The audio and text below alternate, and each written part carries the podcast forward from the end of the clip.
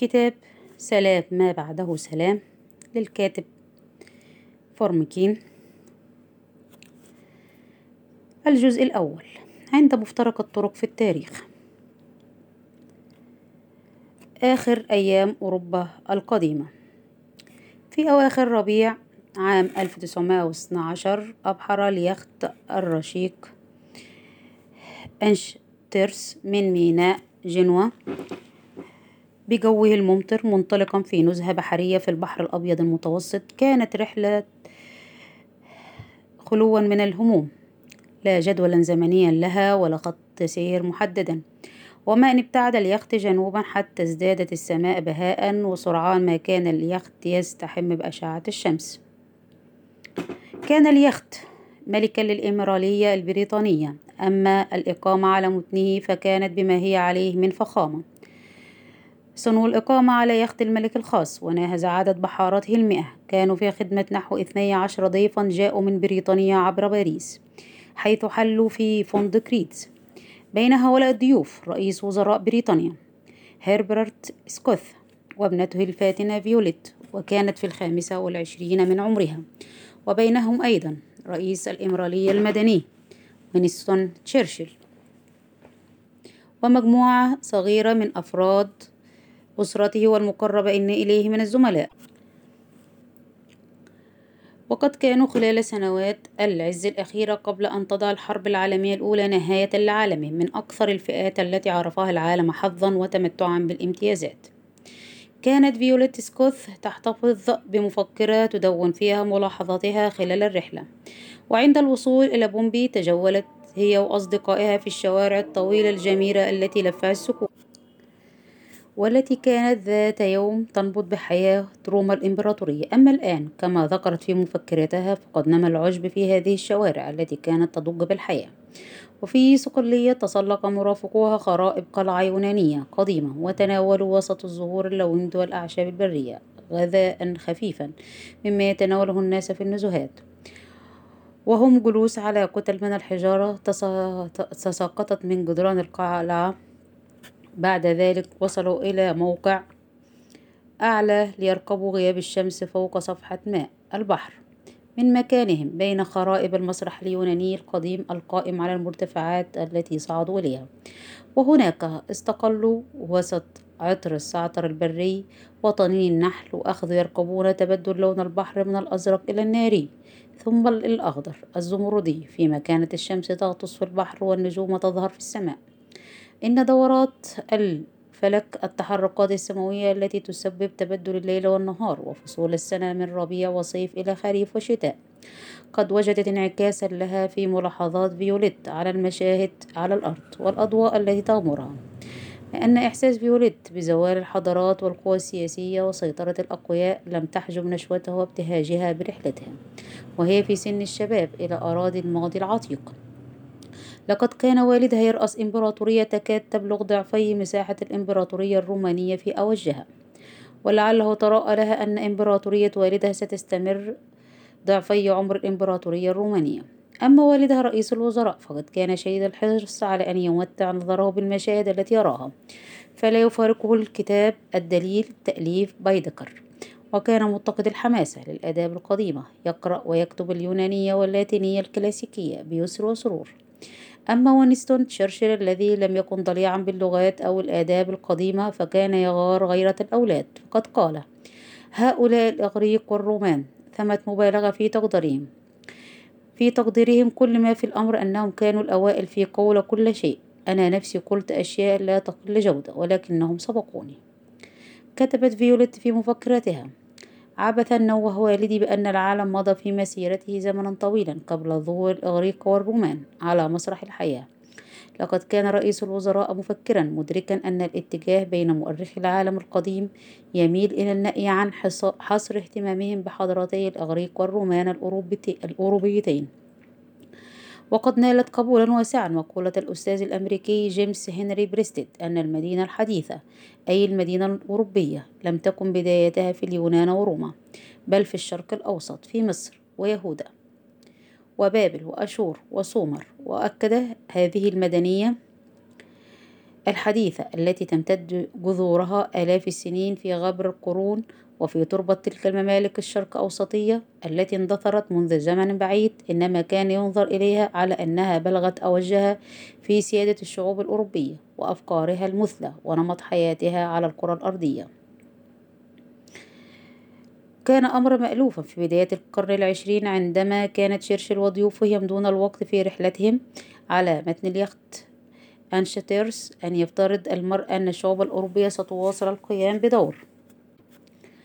السيطرة التي تمارسه في الشؤون العالمية الأبعد ما نستطيع تستطيع البصيرة أن تراه وكان من الشائع أيضا الافتراض أن الشعوب الأوروبية بعد أن أنجزت معظم ما اعتبره كثيرون رسالة الغرب التاريخية أي تحديد المصير السياسي للشعب للشعوب الأخرى على الكرة الأرضية. فلا بد أنها متممة, متممة هذه الرسالة. وكانت بلدان الشرق الأوسط بارزة بين البلدان التي كان على الأوروبيين التعامل معها إذ هي بين قلة من المناطق المتبقية على كوكبنا دون أن يعاد تكوين شكلها الاجتماعي اجتماعيا وثقافيا وسياسيا على صورة أوروبا ومثالها. ومع أن الشرق الأوسط كان خلال القرن التاسع عشر موضع اهتمام عظيم من قبل الدبلوماسيين والسياسيين الغربيين إذ هو ساحة تجري على أرضها منافسات اللعبة الكبرى. فقد تضاءل اهتمامهم بها وصار هامشيا في السنوات الأولى من القرن العشرين. عندما بدأ أن تلك المنافسات وجدت طريقها إلى الحل. لقد أصبحت المنطقة منطقة راكدة سياسيا.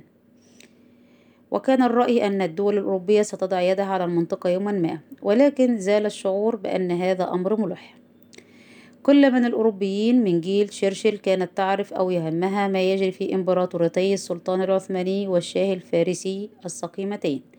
قد تحدث من حين لآخر مذبحة للأرمن على أيدي الأتراك فيتعالى صراخ الرأي العام في الغرب. ولكن الاهتمام بها لا يدوم أكثر مما كان يدوم الاهتمام بمذابح اليهود على أيدي الروس.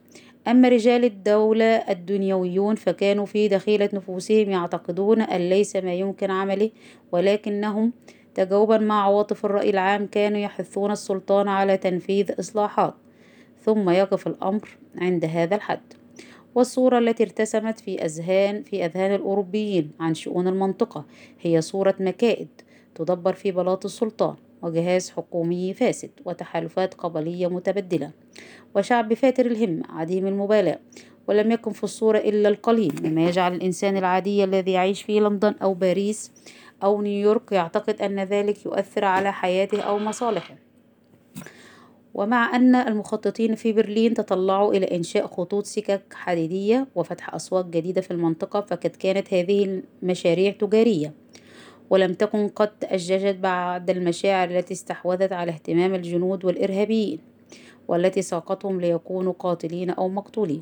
في الوقت عينه كانت الخريطة السياسية للشرق الأوسط تبدو مختلفة عما هي الآن فلم تكن قد وجدت بعد إسرائيل والأردن وسوريا والعراق والمملكة العربية السعودية. كان معظم الشرق الأوسط لا يزال على حاله مثلما كان على مدى قرون. مستكينا تحت سيطرة الإمبراطورية العثمانية المصابة بالمرض والإهمال. أي منطقة هادئة نسبيا يتحرك فيها التاريخ ككل شيء آخر. حركة متمهلة. أما الآن وقد أشرف القرن العشرون على ختامه فإن سياسات الشرق الأوسط تقدم لنا وجها مختلفا كل الاختلاف. إنها قابلة للانفجار وما من أحد قام بدور أكثر حسما أحيانا من دون قصد. في ولادة الشرق الأوسط الذي نتعايش معه حاليا من الدور الذي قام به وينستون تشرشل الذي كان قبل الحرب العالمية الأولى سياسيا إنجليزيا صاعدا ولكنه كان موضع ريبة ولم يكن عنده اهتمام خاصا بآسيا الإسلامية إن مصيرا عجيبا دفع بتشرشل والشرق الأوسط إلى تدخل إحداهما تكرارا بحياة الآخر السياسية. ولم يحدث ذلك دون أن يترك آثارا فثمة خطوط حدود مرتسمة الآن على صفحة الشرق الأوسط. هي ندب خل... هي ندب خلفتها تلك المجابهات معه تركيا ال... تركت اللعبة الكبرى في آسيا. قيض لكل من تشرشل وأسكويث وزملاء لهم في مجلس الوزراء كوزير الخارجية سير إدوارد غراي وزير المالية ديفيد لويد جورج وفيما بعد وزير الحربية لورد كيتشنر أن يقوم بدور حاسم في خلق الشرق الأوسط الحديث. وهم في أدائهم لهذه الأدوار لم يستطيعوا التخلص من التخلص من تركة سياسية ورثوها من العصر الفيكتوري. ظنت حكومة حزب الأحرار برئاسة أسكويث أنها نبذتها ذلك أن أسكويث وغراي بعد أن أدار الظهر لمزاحمة القرن التاسع عشر مع فرنسا وروسيا في الشرق الأوسط اعتقدا أن بمقدورهما أن يبتعدا عنها. فإذا بالأحداث تثبت, تثبت خطأهما. أن الصراع على الشرق الأوسط الذي زج الذي زج بريطانيا في مزاحمة منافساتها الأوروبية إنما كان نتيجة التوسع الإمبراطوري الذي مهدت له الرحلات البحرية التي قام بها كولومبوس. وفاسكو دي غاما ومجلان ودريك فبعد اكتشافها الطرق البحرية في القرنين الخامس عشر والسادس عشر راحت الدول الأوروبية تتبارى في السيطرة على بقية العالم. وكانت إنجلترا متأخرة نسبيا في دخول هذه المباراة ولكنها ما لبثت أن بزت البلدان الأخرى. ونجحت الجزر البريطانية خلال القرن الثامن عشر بالرغم من صغر حجمها في تأسيس إمبراطورية مترامية الأطراف.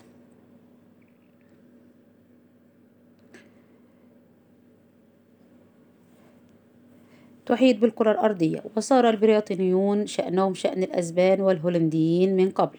يتباهون بأن عاهلهم يملك ممتلكات لا تغيب عنها الشمس. وعندما كان وينستون تشرشل وهربرت أسكويث يتنزهان في نزهتهما البحرية على متن اليخت إنشانترس عام 12 كان ملكهما جورج الخامس يحكم ربع مساحة اليابسة على الكرة الأرضية. ولم يفخر البريطانيون بأي من فتوحاتهم قدر فخرهم بفتوحات الشرق التي رويت عنها القصص غير أن هذه الانتصارات لم تخلو من غرابة. ذلك أن بريطانيا إذا بزت فرنسا في آسيا والمحيط الهادي وتوجت هذا وتوجت هذا الإنجاز بامتلاك الهند. مددت خطوط مواصلاتها واتصالاتها بعيدا جدا بحيث صار بالإمكان قطعه في نقاط عديدة. لقد كشف نابليون بونابرت نقط نقطة الضعف هذه عام 1798 عندما غزا مصر وزحف على سوريا وكان في نيته كما قال فيما بعد أن ينطلق من سوريا على طريق الأساطير والمجد مارا ببابل إلى الهند. ومع أن خطط نابليون قد خابت فإنه أقنع, في أقنع فيما بعد القيصر الروسي بولس المعتوه بأن يرسل جيشه على الطريق عينها. وكان رد بريطانيا على هذا الوضع هو أن تساند أنظمة الحكم الأهلية في الشرق الأوسط لمنع التوسع الأوروبي. فلم تكن هي راغبة في السيطرة على المنطقة بل كان همها أن تحول دون سيطرة دولة أوروبية أخرى عليها. وهكذا اتبعت الحكومات البريطانية المتعاقبة طوال القرن التاسع عشر سيادة دعم الممالك الإسلامية المتهاوية في آسيا لحمايتها من التدخل والتخريب والغزو من قبل الدول الأوروبية. وهي إذا سارت على هذا النهج سرعان ما وجدت أن الإمبراطورية الروسية هي خصمها الرئيسي. فأصبح دحر الأهداف الروسية في آسيا هاجس أجيال من المسؤولين المدنيين والعسكريين البريطانيين وصارت محاولة دحر هذه الأهداف بالنسبة إليهم اللعبة الكبرى والرهانات فيها عالية.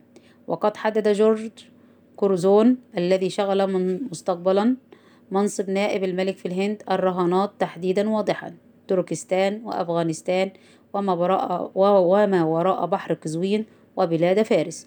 وهذه أسماء لا توحي إلا بالبعد المطلق.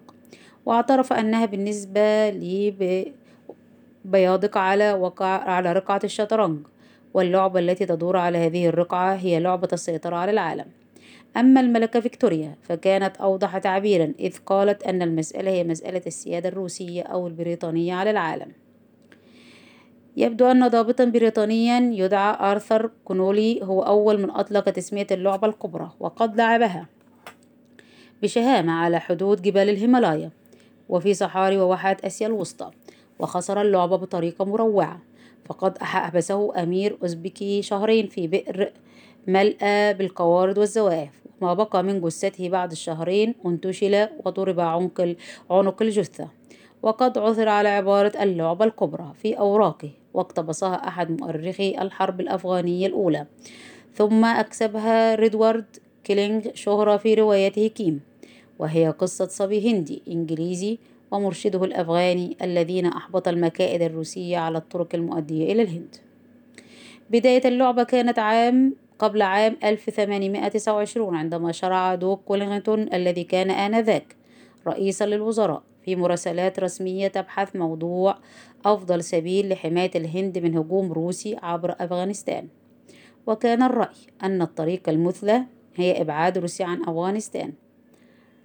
وهكذا صارت استراتيجية بريطانيا منذ, منذ ذلك الوقت استخدام أنظمة الحكم الهرمة في آسيا الإسلامية كحاجز ضخم بين الهند البريطانية من جهة وطريقها إلى مصر والخطر الروسي من جهة أخرى. وقد اقترنت هذه السياسة خصوصا باسم اللورد بالمرستون الذي طورها على مدى سنين عديدة بصفته وزيرا للخارجية. من عام 1830 إلى 1851 وبصفة ثم بصفة رئيس الوزراء من عام 1855 إلى 1865 لقد احتدمت معركة تأييد أنظمة الحاجز الصديقة بحدة شديدة عند طرفي القارة الآسيوية الغربي والشرقي حيث كان السباق على السيطرة على مواقع استراتيجية. أما في غرب آسيا فقد كان مركز الاهتمام الاستراتيجي هو القسطنطينية إسطنبول. بيزنطة القديمة التي تحكمت منذ قرون بمفترق الطرق في السياسة العالمية فهي بموقعها عند مضائق الدردنيل تتحكم بالمرور شرقا وغربا بين أوروبا وآسيا وشمالا وجنوبا بين البحر الأبيض المتوسط والبحر الأسود. وما دامت القسطنطينية لم تنتقل لأيد غير صديقة كان باستطاعة الأسطول البريطاني القوي أن يبحر عبر الدردنيل إلى البحر الأسود ليفرض سيطرته على خط الساحل الروسي. أما إذا قدر للروس أن يستولوا على المضائق فعندها لن يمنعوا الأسطول البريطاني من الوصول إلى البحر الأسود. فحسب. بل يستطيعون أيضا أن يرسلوا أسطولهم عبر المضائق إلى البحر الأبيض المتوسط. وهناك يستطيع وجوده أن يهدد شريان الحياة البريطاني. أما عند الطرف الأبعد للقارة الأسيوية الأسيوية فإن مكان الاهتمام الاستراتيجي هو سلاسل الجبال الشاهقة الواقعة داخل أفغانستان والملاصقة لها حيث يستطيع الغزاة أن يتدفقوا عبر هذه الجبال على سهول الهند البريطانية. وكان هدف بريطانيا في شرق آسيا أن تحول دون قيام أي شكل من أشكال الوجود الروسي على هذه المرتفعات المسيطرة على ما حولها. ظل الصراع محتدما بين بريطانيا وروسيا و... بين الدردنيل وجبال الهيمالايا زهاء مئة عام فيتخذ أحيانا أشكال حرب باردة وأخرى أشكال حرب ساخنة وكانت النتيجة نوع من التكافؤ. كانت هناك أمور كانت هناك أمور حيوية يدور عليها الرهان في صراع بريطانيا الطويل مع روسيا. ومع أن بعض هذه الأمور كانت تتضاءل أهميته فالبعض الآخر بقى وأضيفت إليه أمور أحدث عهدا. لقد عبر ويليام بيت رئيس وز... عبر ويليام بيت رئيس وزراء بريطانيا في عام 1791 عن الخوف بأن تقلب الإمبراطورية الروسية ميزان القوى الأوروبي. وتجدد هذا الخوف بعد أن لعبت روسيا دورا حاسما في هزيمة نابليون النهائية في عامين 1814 و 15 ثم عاد يتضاءل إثر هزيمة روسيا في حرب القرم ومنذ عام 1830 فصاعدا خشى اللورد بالمرستون وخلفائه أن تنشب حرب كبرى في السباق بين الدول الأوروبية على حيازة أجزاء الإمبراطورية العثمانية إذا ما تمكنت روسيا من تدمير هذه الإمبراطورية. ومنذ إذن ظل هذا هما بريطانيا دائما. ومع انتصاف القرن التاسع عشر أخذت التجارة البريطانية مع الإمبراطورية العثمانية تكتسب أهمية كبيرة فأضيفت المسائل الاقتصادية إلى مواضيع الخلاف بين بريطانيا المنادية بحرية التجارة وروسيا التي تطبق الحماية لمنتجاتها. ثم أن عمق ضلوع فرنسا وإيطاليا المالي في الشؤون العثمانية ومعقبه من توغل اقتصادي ألماني قد جعل من المنطقة التي كانت تتصارع فيها روسيا وبريطانيا حقل ألغام. من المصالح الاقتصادية القومية. لم يدخل النفط إلى الصورة إلا في مطلع القرن العشرين ولكنه حتى في ذلك الحين لم يكن له دور كبير في اللعبة الكبرى لأن كل من السياسيين أدركت ما سيكون النفط من أهمية ولأنه لم يكن بعد معروفا أن الشرق الأوسط يحتوي على النفط بهذه الضخامة.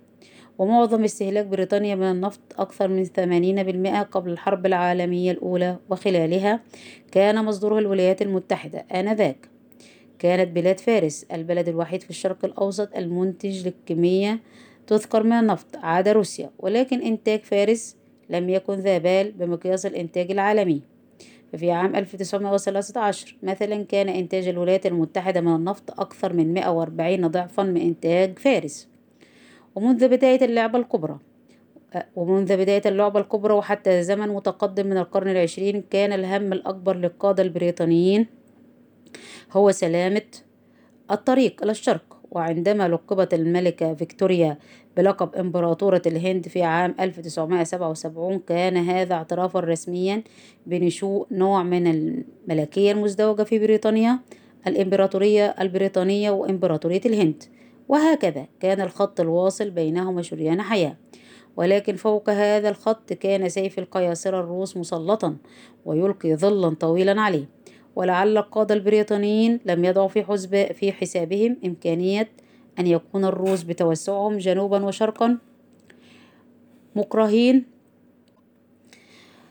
مكرهين على هذا التوسع بحتميات تاريخية داخلية لا علاقة لها بالهند أو بريطانيا فقياصرة روسيا ووزرائهم كانوا مؤمنين أن فتوحاتهم في الجنوب والشرق هي قدر بلادهم هي قدر بلادهم. تماما كإيمان الأمريكيين آنذاك أن قدرهم الواضح هو الاستيلاء على الغرب. وفي كلتا الحالتين كان حلم الحالمين أن يملأوا قارة بتمامها من المحيط إلى المحيط. وهذا ما بينه المستشار الإمبراطوري الروسي الأمير غورجاتكوف عام 1864 في مذكرة حددت أهداف بلاده. كانت حجته أن الحاجة إلى حدود آمنة هي التي تجبر الروس على الاستمرار في التهام أنظمة الحكم العافنة الواقعة إلى الجنوب من بلادهم. وقد نوه بأن الولايات المتحدة في أمريكا وفرنسا في الجزائر وهولندا في مستعمراتها قد سيقت جميعها إلى مسار للطموح فيه دور أصغر من دور الضرورة الملحة. وأصعب ما في الأمر معرفة نقطة التوقف. وهذا ما خشيه البريطانيون. كانت خشيتهم أن روسيا لا تعرف أين ينبغي لها أن تتوقف. ومع انهماك مجتمع ترقي ديمقراطيته رقيا متزايدا. جيلا إثر جيل في الصراع مع روسيا ذات النظام المستبد. نشأت في نفوس البريطانيين كراهية للروس. تجاوزت حدود الخلافات السياسية والاقتصادية المحددة التي تفرق بين البلدين. لقد أخذ البريطانيون يكرهون الروس لا لمجرد ما يفعلون إنما لكونهم روسا.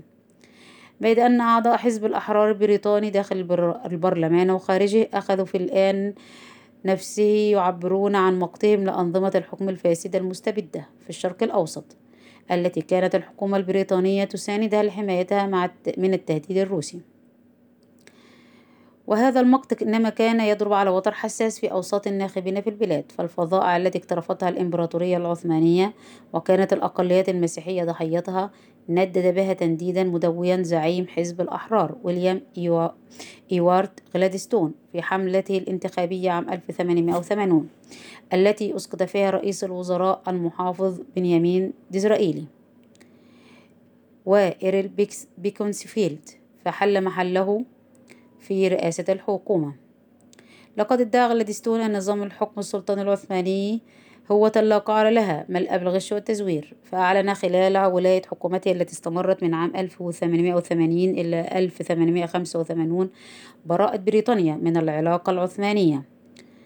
وسحبت الحكومة البريطانية حمايتها لإسطنبول ونفوذها فيها. ولما كان الأتراك عاجزين عن الصمود وحدهم فقد اتجهوا إلى دولة أخرى طلبا للمساندة إلى ألمانيا بسمارك.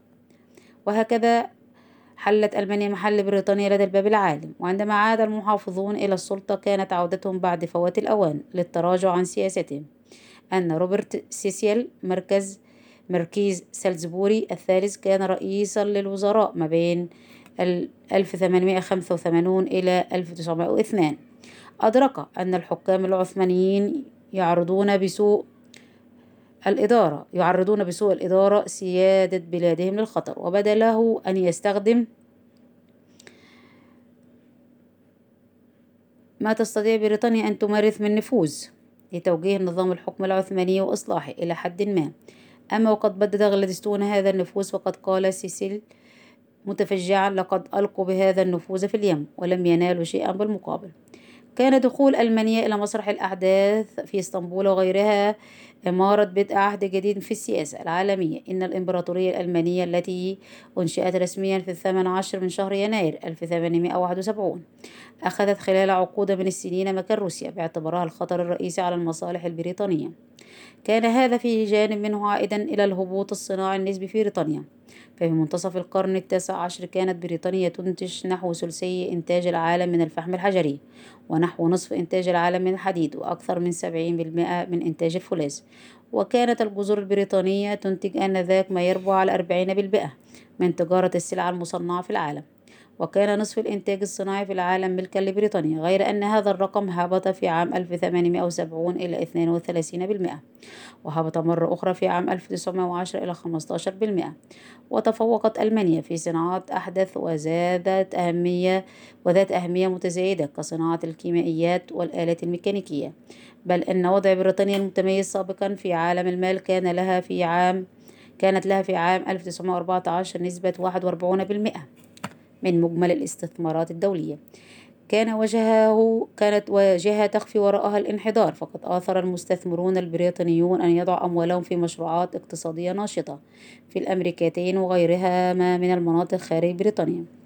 والعوامل العسكرية أيضا دخل في الوضع فإنشاء السكك الحديدية بدل تبديلا جذريا التوازن الاستراتيجي بين القوة البرية والبحرية على حساب الثانية. النسير هالفورد ماكندر الذي كان يوصف بأنه متنبئ الشؤون السياسية الجغرافية. أكد حقائق الوقائع حقائق الواقع في وضع جديد إذ يستطيع العدو في هذا الوضع أن ينقل بسرعة على الخطوط الحديدية جنوده وذخائره إلى مقصدها مباشرة بواسطة الخط المستقيم الذي يعني هندسيا أقرب مسافة بين نقطتين. بينما يتحتم على الأسطول البريطاني أن يبحر ببطء حول محيط قارة بأكملها فيصل متأخرا جدا. بينما يتحتم على الأسطول البريطاني أن يبحر ببطء وقد امتازت الإمبراطورية الألمانية بشبكة خطوط حديدية. جعلت من مملكة قيصر ألمانيا القوة العسكرية الأكثر تقدما في العالم وتضاءلت فيما يبدو سيادة بريطانيا البحرية المحفوفة بالخطر. أن الاستنتاج الذي استخلصه والتر بيجيهوت رئيس تحرير الإكونومست المجلة اللندنية ذات التأثير هو أنه بفضل ألمانيا لم يعد هناك ما يستدعي الخوف من التوسع الروسي. أن الفكرة القديمة القائلة أن روسيا بلغت شأنا بعيدا في القوة يستدعي أن ترهبها أوروبا. هي فكرة تعود إلى عصر ما قبل ألمانيا.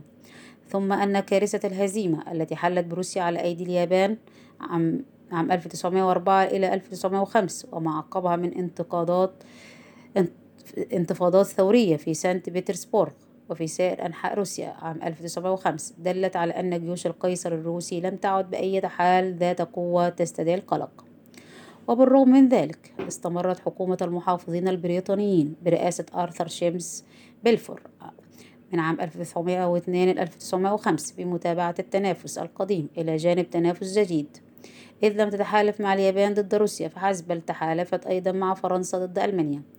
غير أن سير إدوارد غراي وزير خارجية في حكومة الأحرار برئاسة هنري كامبل بانرمان التي خلفت حكومة المحافظين من 1905 إلى 1908 رسم صورة لهاتين السياسيتين تظهر تناقضهما فكتب يقول إن روسيا حليفة فرنسا ولا يسعنا أن ننتهج في الحين عينه سياسة